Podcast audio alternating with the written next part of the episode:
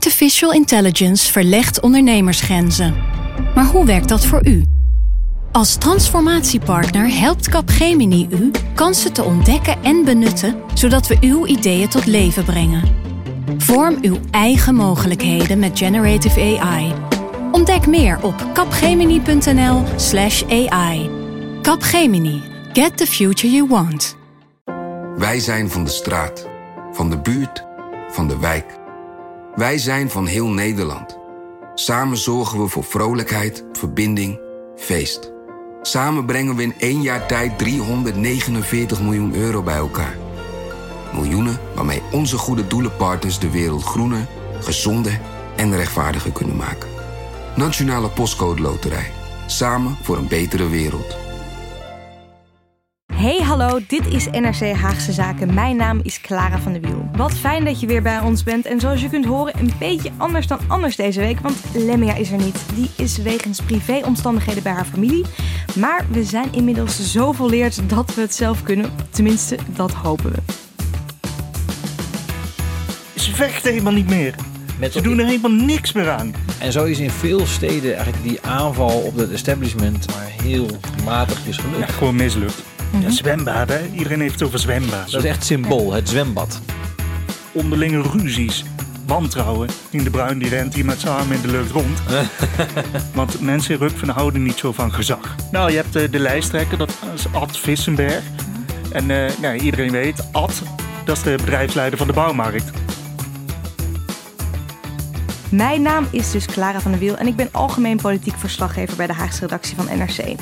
En samen met vaste gezichten van de show, Thijs Niemands Verdriet en Enzo van Steenbergen, duik ik vandaag in de uitslagen van de gemeenteraadsverkiezingen. En nu denk je misschien gemeenteraadsverkiezingen, maar er was toch ook een referendum deze week? Dat klopt. Ehm, dat gaan we alleen in deze uitzending niet veranderen. Het reikt een beetje ver om helemaal ook nog op die uitslag in te gaan voor één eh, uitslag. Maar niet getreurd. Ik beloof je, we komen er in een andere aflevering later nog op terug. Zodra het duidelijk is wat het kabinet hier verder mee gaat doen. En voor wie niet kan wachten en nog een beetje precies wil weten wat er nu verandert. Als de wet op de inlichting en veiligheidsdienst wordt aangepast. Dan kan ik aanraden om de aflevering 24 nog eens terug te luisteren. En daarin leggen onze collega's de bevoegdheden van de AIVD verder onder de loep. Goed, de gemeenteraadsverkiezingen dus. Ja, En ik zeg gemeenteraadsverkiezingen, maar eigenlijk gaat het natuurlijk om 335 verschillende kleine verkiezingjes. Ehm, het lijkt me heel lastig om dat in één uitzending allemaal eh, ehm, te overzien. Hoe gaan we dat aanpakken, Thijs? pikken er eigenlijk twee specifieke gemeentes uit. Den Haag en het prachtige Rukven in eh, Brabant. Eh, en we hebben voor deze twee gekozen omdat dit eigenlijk twee gemeentes zijn aan de hand waarvan je het hele landelijke verhaal ook kunt vertellen. En we hebben natuurlijk al zoveel voorbij zien komen in andere gemeentes. Zullen we ongetwijfeld ook nog wel even eh, aan refereren. Maar eh, we zoomen in op deze gemeentes. En dan zie je vanzelf eigenlijk de trends die je landelijk eh, ook zag gebeuren. Ja, ja. Den Haag kan ik me goed voorstellen. Even Rukven en zo. Misschien kun jij vertellen waarom we in hemelsnaam eh, op het Noord-Brabantse Rukven gaan inzoomen. Ja, zeker. Ik ben eh, het afgelopen jaar heel vaak geweest in, eh, in Rukven. En eigenlijk om te begrijpen waarom we daar vandaag over gaan praten, moet je even naar de woonkamer van Martin de Bruin. Martin de Bruin is de leider van de Rukvense Volkspartij. En die maakte zich enorme zorgen. Een week voor de verkiezingen was ik bij hem. Enorm huis overigens. Waar overal zijn eigen verkiezingsposters hingen. Eh, en die eh, zat aan zijn keukentafel en die zei: De PVV komt naar Rukven. En eh, we gaan het verliezen, want wij zijn maar een lokale partij. De PVV mikt op dezelfde mensen. En nog een dag voor de verkiezingen stuurde hij nog een mail. Ik ben zo gespannen. Het gaat helemaal mis. Maar Martin de Bruin heeft gewonnen. En de PVV ook. En dat betekent, ja, het is eigenlijk ongelooflijk. Hij was helemaal door het dolle, Ja. Martin de Bruin. Ehm, Heb je, hem jij hebt hem gesproken gisteren? Of?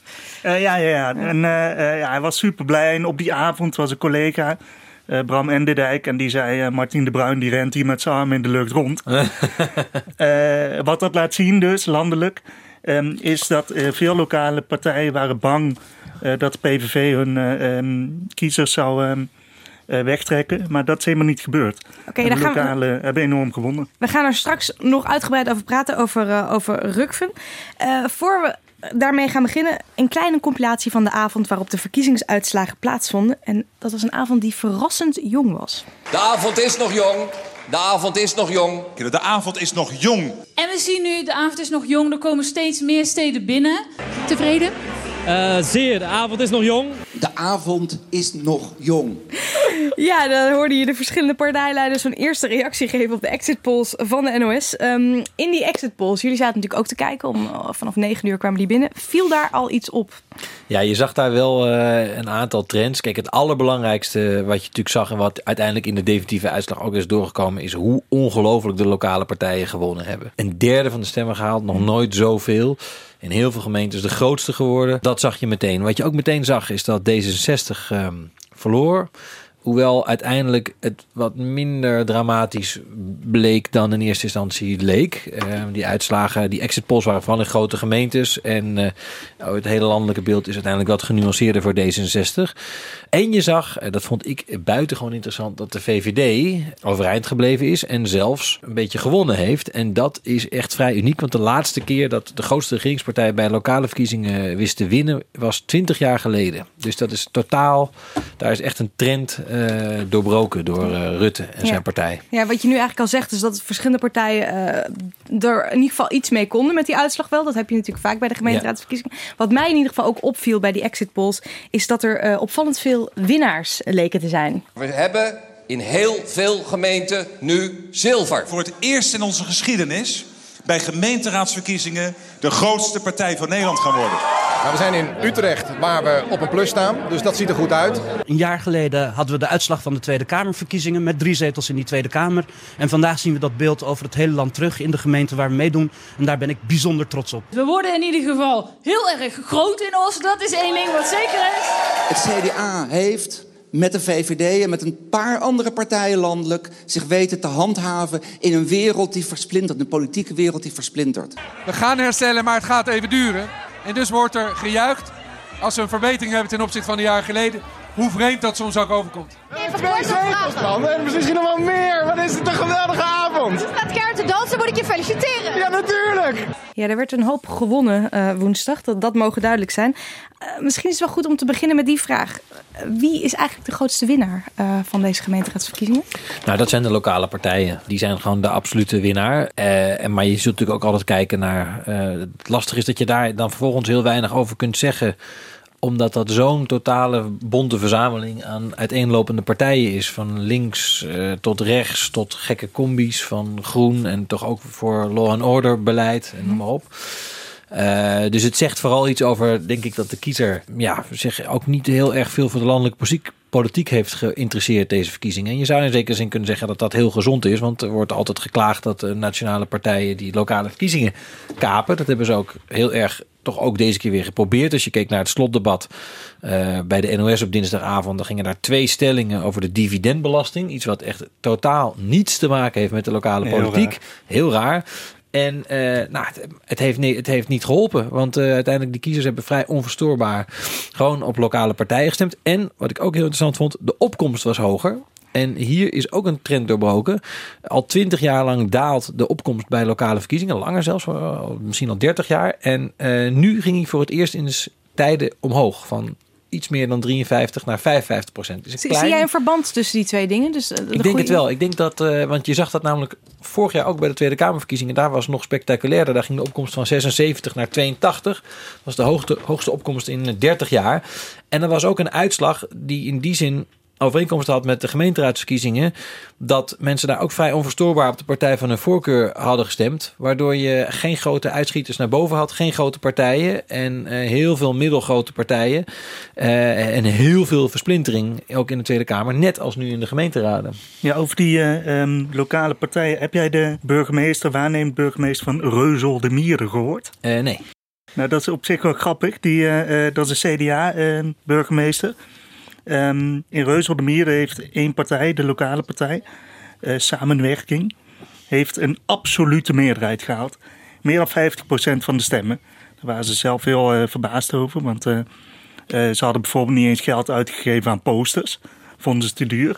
Maar die burgemeester verklaarde um, in de krant waarom zoveel mensen in haar gemeente op de lokale stemmen. En zij zei, ja, Mensen zijn een beetje klaar met de Haagse politiek, want daar kwekken ze zoveel. En volgens mij is dat een gevoel dat toch wel heel breed wordt gedeeld. Ja, bij lokale partijen wordt minder gekwekt. Uh, dat, dat kunnen we constateren. Zien jullie het ook echt als een proteststem uh, naar Den Haag?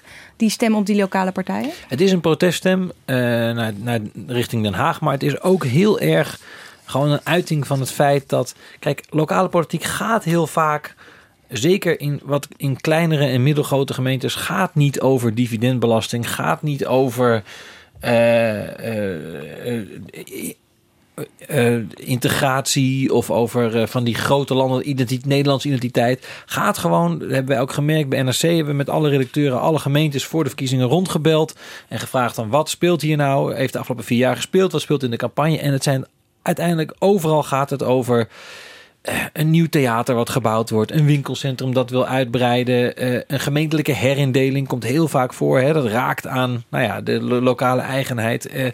soms ook letterlijk een fietspad, een zwembad. Ja, en het, veel van die lokale partijen die slagen er gewoon in geloofwaardiger over te komen als zij over deze, dit soort zaken praten dan die landelijke partijen. Ja, zwembaden. Iedereen heeft het over zwembaden. Ja, in het onderzoek. dat is echt symbool, het zwembad. Maar het, is ook, het is ook zo dat je uh, die politici van de uh, lokale partijen zijn vaak ook heel erg geworteld in die samenleving. Je hebt bijvoorbeeld uh, nog een keer Reuzel. de, alle grensrechters bij de plaatselijke voetbalclub zijn ook politi politici van de lokale partij. Dus je ziet die mensen steeds, je kent ze. Ja. En dat is toch veel, uh, veel fijner om op te stemmen. Ja. ja, en om een bruggetje te maken naar de gemeente Den Haag. Daar zie je dat de grote winnaar, Richard de Mos, dat is ook een, uh, ja, echt een, een man, uh, een volkse man die dus ja, overal was in de afgelopen jaren in Den Haag. Bij ondernemers, bij gewone mensen, op de markt. man die knetterhard gewerkt heeft en zich voortdurend overal gemanifesteerd heeft. Wat ook in die zin voor hem makkelijker was, omdat hij zat in de oppositie. Dus... Uh, dus dan, ja, dan heb je ook wat minder lastige dilemma's en verplichtingen. Maar kijk, dit is gewoon een man die ook een. Die, hij noemde dat zelf de ombudsman politiek. Hè? Dus jij kon gewoon als burger van Den Haag, ook al is het een grote gemeente. Jij kon gewoon aankloppen bij Richard. Uh, Richard nam de tijd voor je en ging vervolgens in, bij een raadsvergadering een motie indienen. Of, of even iets aankaarten bij de burgemeester. En dat is gewoon wat mensen ontzettend waarderen. Richard de Mos is van drie naar negen. Nou, het blijkt uiteindelijk acht te zijn. Maar goed, hij is in stemmenaantal verdrievoudigd. Uh, ja, dat is, dat is uh, spectaculair. Ja, ja, voor de mensen die Richard de Mos niet kennen, gaan we even uh, kennis met hem maken. Wij zijn de lokale partij en wij gaan gewoon 10 plus zetels halen. Ja, Richard die, die voert niet uh, drie, vier maanden uh, campagne. Die is, heeft echt, uh, zolang die in die raad zit, heeft hij dag in, dag uit, is die zichtbaar geweest. En is die er geweest voor, ja, zeg maar even zeggen, de gewone man zoals ik. Hè. Maar je moet natuurlijk wel visie hebben, anders dan, dan begin je natuurlijk nergens. Nou ja, dat komt vooral omdat natuurlijk die, die landelijke kopstukken eens in de vier jaar of een haringje komen happen op Loosduinen of een hond komen aaien. Ik kon geen plaatselijk krantje openslaan of Richard de Mos stond daar niet uh, met zijn poren in. Zo, dames, zien jullie weer mooi uit, zeg. Mag ik u een fotootje aanbieden, de groep de Mos? Heel goed, dank u wel. Nu we toch bij Den Haag zijn aanbeland, Thijs, daar zie je ook een andere uh, ontwikkeling die, die afgelopen woensdag nog een extra vaart heeft gekregen, namelijk de versplintering. Ja. Wat betekent dat voor de gemeenteraden? Poef, ja, ik echt in Den Haag zijn er dus uh, zes partijen met één zetel gekomen. Dat is echt ongelooflijk. In totaal hebben we het dan over, ik geloof, 14 partijen in de raad. Dat is nog meer dan in de Tweede Kamer. Uh, en Ja, 14 te bedenken 14. dat... En we hebben het hier over 45 zetels. 45 hè? zetels, Ja. hè? de Tweede Kamer heeft er 150. Ja. Ehm, eh, en, het is, eh, en dan heb je er nog een heleboel met twee en een heleboel met drie. En de Mos is dus eh, de grootste geworden met acht. Ja, ik maak even een snel rekensommetje. Er zijn zes partijen met één zetel in de Haagse en dat, is, en dat is niet gek, want eh, eh, dat is helemaal niet alleen in Den Haag. Bij Utrecht zijn er bijvoorbeeld zes partijen met twee zetels. In Den Bosch, daar is echt een hallucinerende uitslag gekomen, ook met dertien partijen. En daar is de grootste partij heeft vijf zetels. En daar zijn ook, en dan hebben ze allemaal vijf, vier, drie, twee, één. Dat is echt ongelooflijk. Ehm, in Den Haag zie je. ehm, eh, Den Haag was al versnipperd. Hè? Was al meer dan andere grote steden. Er waren al heel veel fracties, ook heel veel afsplitsingen geweest. Maar dat proces heeft zich eigenlijk nog voortgezet, dat heeft toch? zich voortgezet. Je ziet bijvoorbeeld in Den Haag zijn er maar liefst drie eh, partijen gekomen eh, die op de islam zijn geïnspireerd. Dus eh, die hebben ook samen weer drie zetels gehaald. Mhm. Zelfs daar zie je zeg maar binnen bepaalde stroming zie je versplintering. Ja, wat het gewoon betekent is dat het gewoon heel lastig is om, om zo'n stad te gaan, te gaan besturen. Je hebt daar straks een coalitie nodig met als ik er zo even naar kijk minimaal vier en waarschijnlijk vijf partijen. Dat was de afgelopen vier jaar ook zo. Dus je zou kunnen zeggen dat ze er ervaring mee, mee hebben opgedaan. Maar kijk, zo'n partij, op zich waren dat allemaal op de Haagse Stadspartij na de afgelopen vier jaar waren dat eh, landelijke partijen. En nu is, ligt het initiatief bij, bij eh, de MOS. eh, die toch wel in zijn aanpak en zijn manier van politiek bedrijven een heel eind afstaat van, van die landelijke partijen. Dus dat gaat nog heel interessant worden Ja, maar gaan komen. die de Mos is natuurlijk bij de kiezers enorm populair. Maar bij, zijn, eh, bij de andere partijen niet per se. Nee, nee. Dus het wordt best wel moeilijk om, eh, eh, om daar een samenwerking Nee, te veel gaan partijen vormen. ver- verwijten hem cliëntelisme. eh, Ja. Door bedrijven gesponsord te worden. Hij laat zijn campagne ook bijvoorbeeld sponsoren. Hij geeft partijleden van zijn, eh, van zijn partij geeft hij een pasje. Ja. Waarmee ze dan korting krijgen bij allerhande bedrijven. Het is echt Ja. fijn, ongelooflijk. Hij heeft Ja. gewoon de afgelopen weken is hij de stad doorgereden met een campagnebus. Ja, waarop die gewoon- bus. Waarop gewoon behalve het logo van de groep De Mos ook gewoon bedrijfsnamen stonden. En Ja. daar werd dan voor betaald. En daar financierde hij de campagne uit. Dan krijg je dus korting. Hè? Dus als je Ja. lid bent bij die bedrijven op die bus, Ja. dan krijg je Krijg je zo'n korting, procent korting. Zeker, ja. ja. En, en waar volgens mij wat, wat, wat de partij van Richard de Mos, overigens een oud PVV-kamerlid hier Ja. eh, voor de PVV hier in, eh, in Den Haag. Ehm, wat hij volgens mij ook heel erg mooi laat zien, is die partij dat lokale partijen een hele wonderlijke combinatie kunnen zijn van verschillende dingen. Want bij, in zijn partij komt bijvoorbeeld de PVV, hij zelf eh, is van de PVV, maar de nummer twee die is afkomstig van D66. Dat was bovendien een Marokkaanse Nederlander. Dus, Ja, eh, eh, dat is Rachid Gouernaoui. Ehm, hij- daar zitten allerlei verschillende types bij die partij. En daarmee eh, toont volgens mij die partij van de Mos wel heel mooi aan hoe eh, lokale partijen zich totaal niks aantrekken van de traditionele links-rechts verdelingen zoals die eh, in de Ja, en je ziet, hij, de Mos heeft nu ook gezegd dat hij graag in een college wil, ook met linkse partijen erbij. Dus hij gaat proberen om een brede coalitie te smeden. Ehm, en daar zie je ook weer dat eh nou, die lokale politiek heel vaak voorbij gaat. Dat is ook de verklaring, denk ik, van het, van het succes in de lokale partijen. Die gaan voorbij aan landelijke links-rechts schema's. Dus die combineren, die hebben ook omdat er natuurlijk minder lastige dilemma's liggen, omdat het over kleinere onderwerpen gaat, die combineren hele grappige dingen. Eh, Mhm. Die zijn duurzaam en voor, eh, voor streng veiligheidsbeleid bijvoorbeeld. Ja. Eh, nou ja, en dat is dus iets wat lokaal werkt. En, eh, en wat de kiezer ook heeft aangegeven dat ze dat wel ehm, Ja. kunnen waarderen. Richard de Mos zat dus ooit bij de PVV. Hij is vervolgens een beetje op een zijspoor gezet door, door Geert Wilders. En inmiddels heeft zijn partij in Den Haag een stuk meer zetels dan de PVV. En zo. De PVV is hier in Den Haag teruggevallen. Hè? Ja, enorm. Eh, bij de vorige verkiezingen in Den Haag 2014 hadden de PVV zeven zetels. Echt wel veel. Toen deed de PVV alleen nog mee in Den Haag en Almere. Het was echt een overwinning. Ze deden mee in de eh, gemeenteraad, haalden enorm veel zetels. En nu eh, komt die de mos. De PVV is helemaal ingestort. Daar is het ook helemaal niet goed gegaan de afgelopen jaren. Onderlinge ruzies, wantrouwen. Eh, zelfs in de PVV-klas eh, is het misgegaan. Daar stapten eh, nog drie kandidaten op eh, een dag voordat de lijst gepresenteerd zou worden. Eh, dan moest de Tweede Kamersecretaresse eh, eh, ja, eigenlijk hier uit de Kamer worden, worden ingevlogen. ingevlogen om op die lijsten eh, te gaan staan. Eh, ineens stond eh, Henk Bres, bekend in Den Haag, stond als lijstduwer ehm, op de lijst. Daar wist niemand iets van in dat klasje. En die eh, rommeligheid heeft er denk ik toe geleid dat de PVV echt is ingestort eh, in Den Haag. Ja, want hoeveel zetels hebben ze overgehouden van die zeven? Ja, twee. Twee. En, en dat, ja, dat betekent dat ze... Nou ja, dat is wel een flink verlies, kan ik me voorstellen, voor, voor Wilders. Ja, dat is een enorm Ja, verlies. ja, ja. En eh, terwijl dit is toch een gemeente die eh, als voorbeeld had moeten dienen voor de PVV. De PVV doet nu mee in 30 eh, gemeenteraden. Komt ook in al die gemeenten wel in de raad. Mhm. Maar Den Haag was eigenlijk, ja, daar, daar wil je gewoon laten zien. We kunnen een stabiel bestuur vormen in deze gro- eh, grote stad. Een stabiele fractie, Mhm. sorry. Nou, dat is absoluut niet gelukt.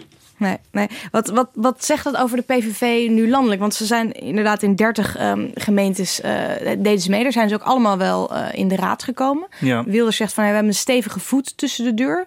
Hoe Ja. zie jij dat? Nou ja, ik zou eerder zeggen een kleine voet. Want ze hebben in heel veel gemeenten hebben ze één, of twee zetels. Ze zijn in veel gemeenten de zevende partij of de vijfde partij. En als je kijkt naar de percentages, ze hebben alleen maar gekozen om mee te doen in gemeenten waar ze zeg maar rond de 15% van de stemmen hadden met Tweede Kamerverkiezingen. Uh, en nu, uh, ja, in de meeste gemeenten hebben ze maar een paar procent van de stemmen gehaald. En dat zit weer, daar zit weer, die lokale zitten daar weer tussen. Rotterdam Ja. heeft de PVV maar één zetel gehaald. Ja. Eén zetel, ja, Wilders dus- heeft drie jaar geleden aangekondigd met heel veel bombast dat hij in Ja, Rotterdam absoluut. eh, de tent over ging nemen van Leefbaar. Want die hadden hun principes verlogend. Er waren afgedreven van Fortuin. En slappe, slappe bestuurders waren dat geworden.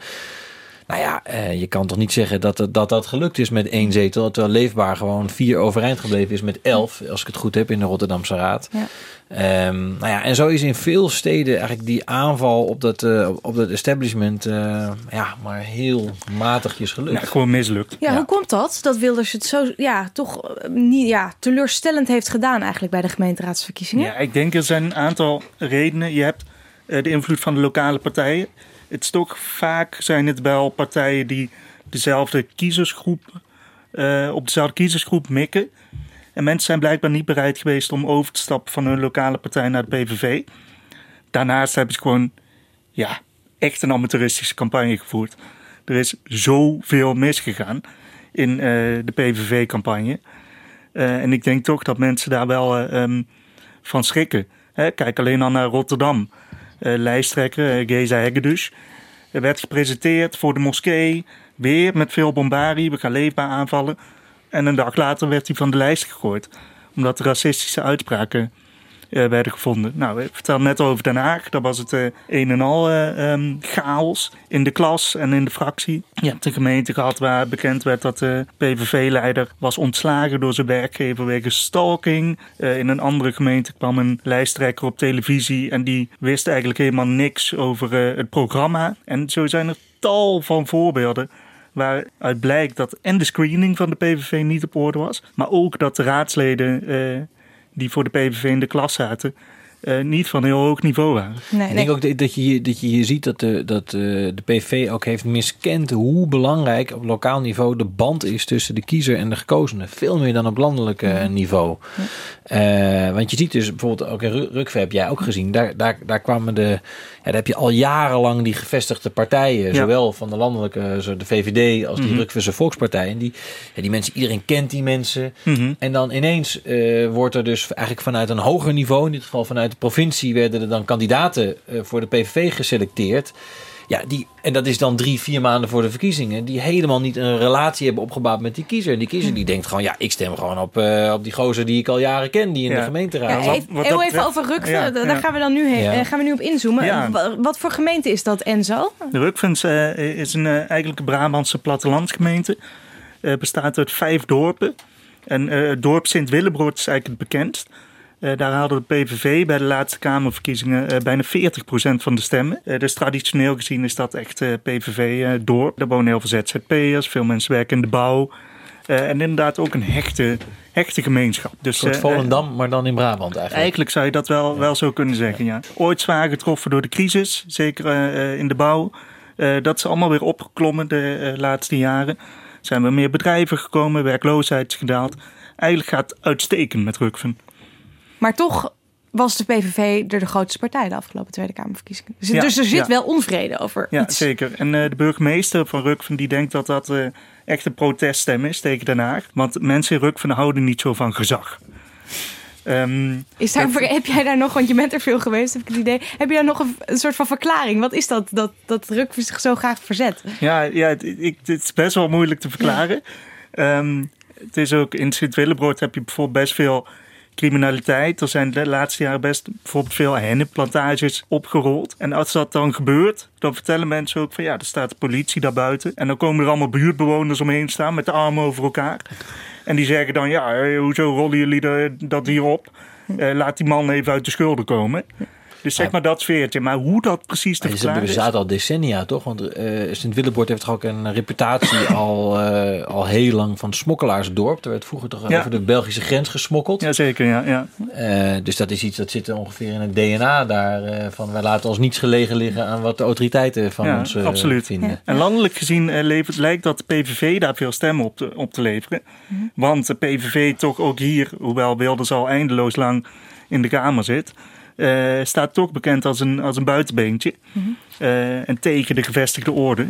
Ja. Eh, en maar lokaal gezien werkt dat blijkbaar toch, toch wat anders. Ja, dus vorig jaar besloot Wilders toen hij mee ging doen met de gemeenteraadsverkiezingen van Rukve. Daar, daar moet het ook gaan gebeuren. Ja. Dus Rukve die sidderde eigenlijk de afgelopen maanden in, Ja. in afwachting van die verkiezingen. Je vertelde net al aan het begin van de uitzending dat vooral de lokale partijen zich ontzettende zorgen maakten. Ja. Is die vrees uitgekomen? Nou, ehm, nee, eigenlijk niet.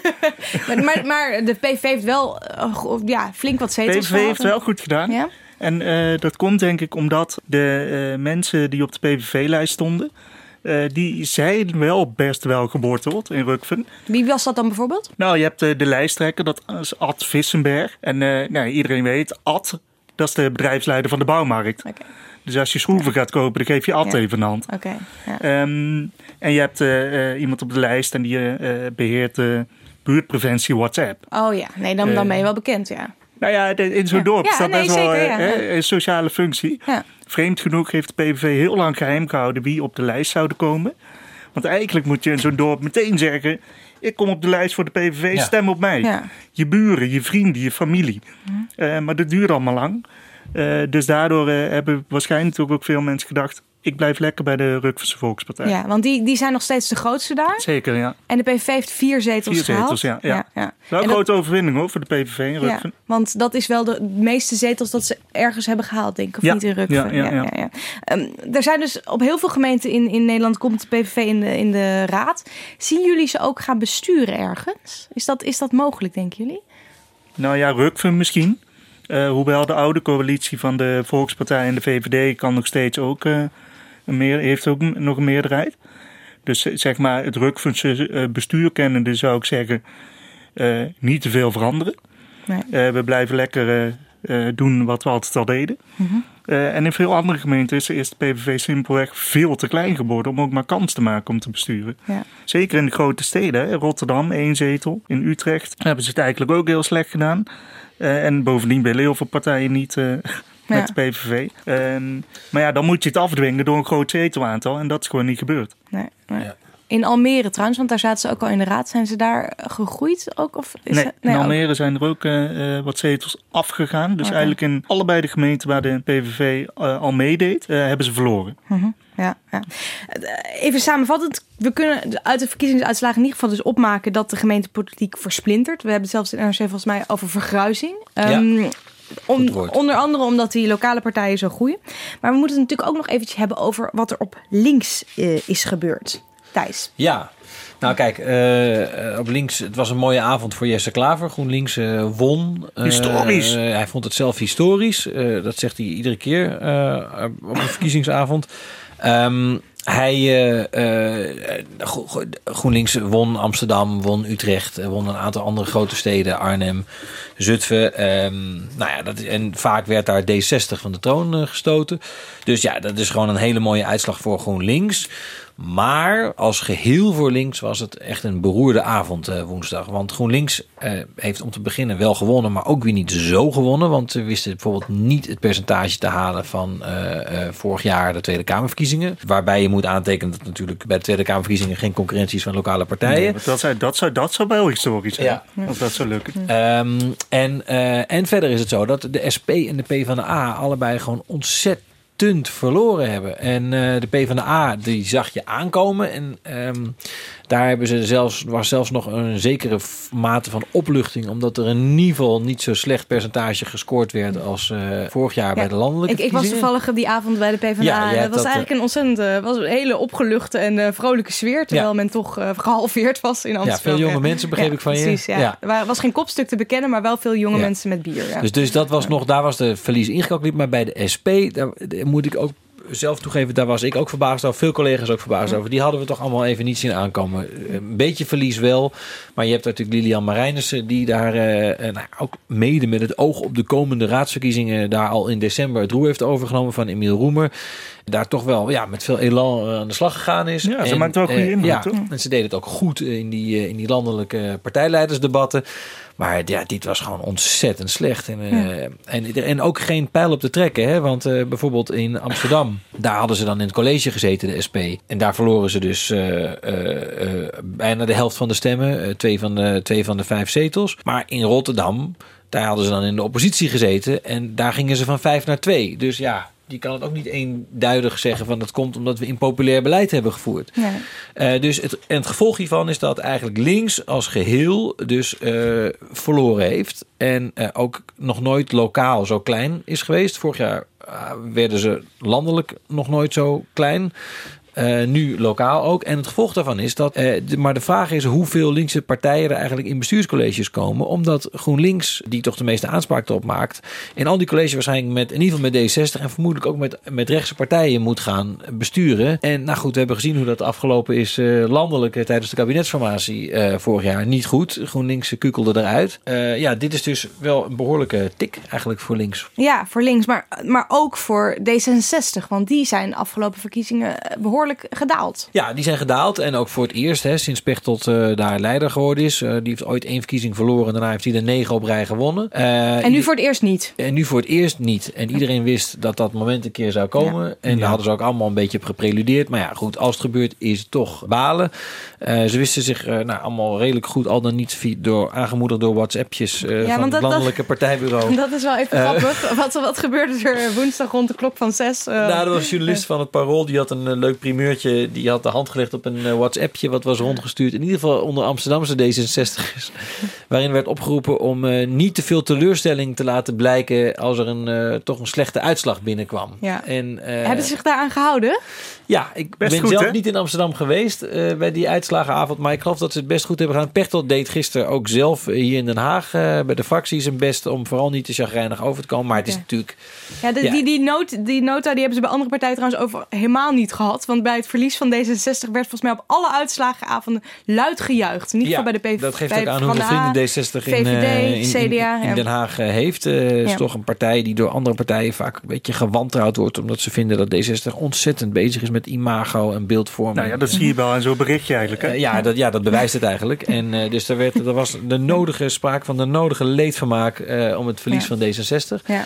Eh, maar ja, voor D60 is dit, is dit niet goed. Maar goed, daarbij moet wel gezegd worden: kijk, ze zijn gewoon land, de derde landelijke partij gebleven. Ze hebben een percentage gehaald. Ze hadden vier jaar geleden exceptioneel goede uitslag. En ze hebben een percentage gehaald wat nog steeds boven, eh, ruim boven de uitslag van acht jaar geleden is. Dus Mhm. eh, ze kunnen hiermee wel zeggen: van oké, we hebben nu even wat, eh, wat tegenwind omdat we in het kabinet zitten. Maar ehm, eh, het, is niet een, het is niet de ineenstorting die je vier jaar geleden zag bij de Partij van de Arbeid bijvoorbeeld. Nee. Eh, Maar, maar, maar Thijs, even over die Partij van de Arbeid. Hè? Ja. Want je hebt, je hebt een boek geschreven over die Ja. partij. Hè? Dat heet eh, De Vechtpartij. Ja. Maar ze vechten helemaal niet meer. Met Ze doen er helemaal niks meer aan. Ja, bedoeld met elkaar. Dat Ja, vechten ja. was, dat vechten Ja, was maar met vechten elkaar. gebeurt hoe, vooral hoe met kan je elkaar. nou, hoe kan je nou daar in zo'n zaaltje staan ehm, en, en dat, dat de teleurstelling niet eens zo groot is? Als je weer zo erg verliest, hoe verklaar je dat? Ja, waar is de strijdlust? Hè? Ja, er is een soort gelatenheid. Je zag het vorig jaar wel bij de uitslag van de Tweede Kamerverkiezingen. Daar zag je echt een totale eh, ellende neerdalen over de aanwezigen.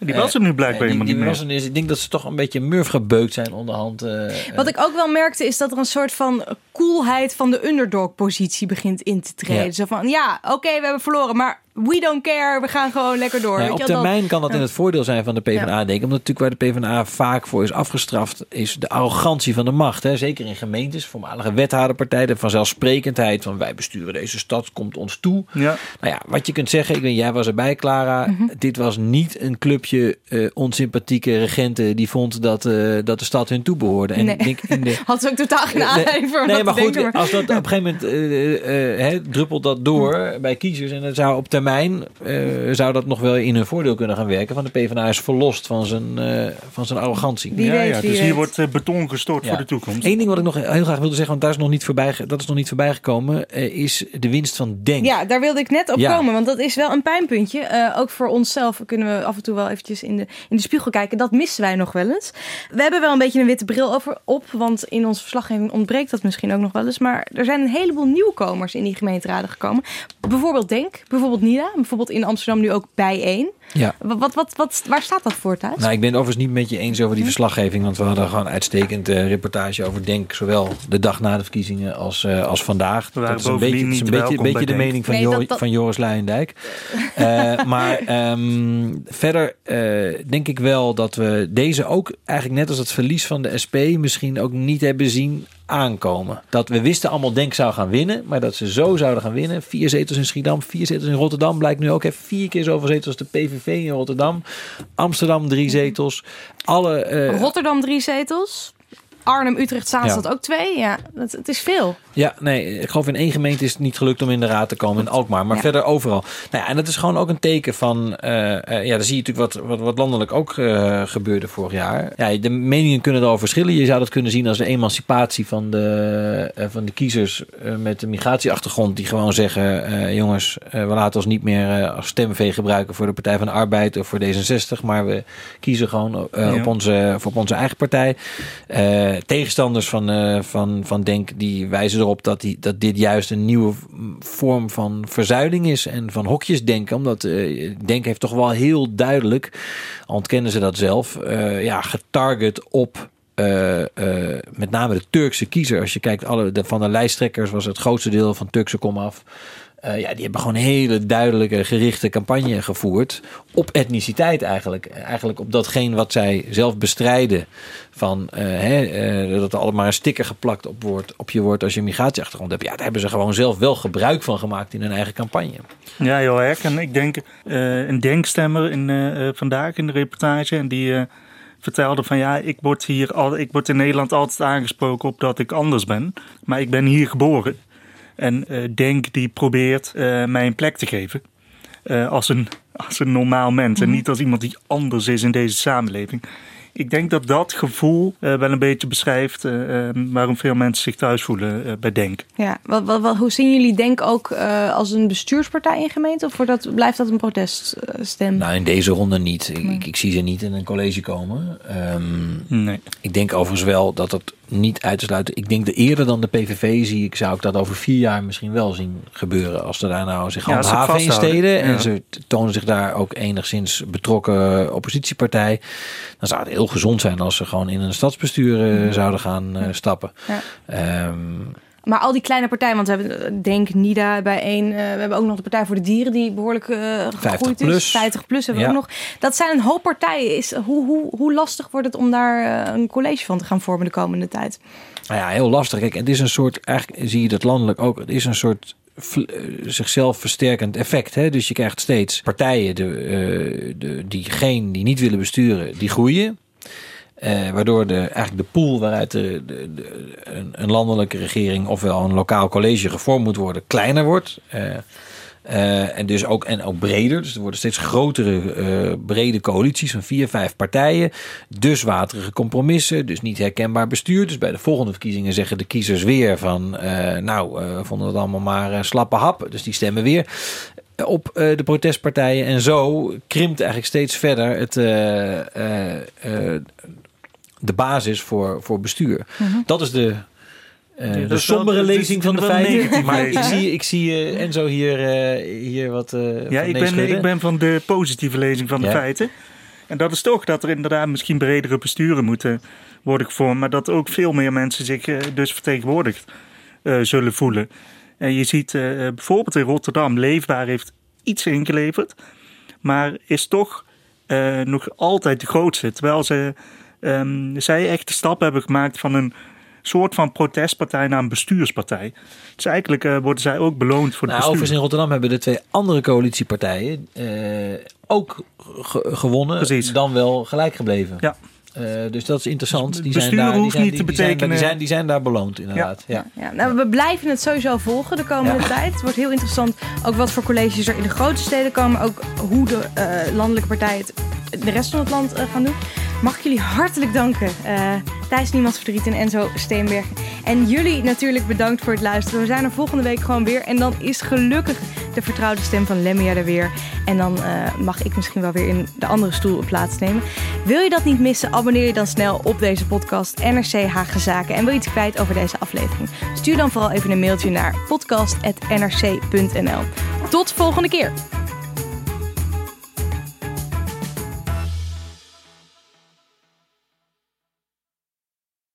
Ik ben al jaren ondernemer, maar waar moet ik eigenlijk allemaal aan denken nu ik voor het eerst personeel wil aannemen? Voor het eerst ga importeren of voor het eerst een bedrijfslocatie zoek? Weet wat je wel of niet moet doen bij zaken die je voor het eerst oppakt. Check kvk.nl voor praktische stappenplannen.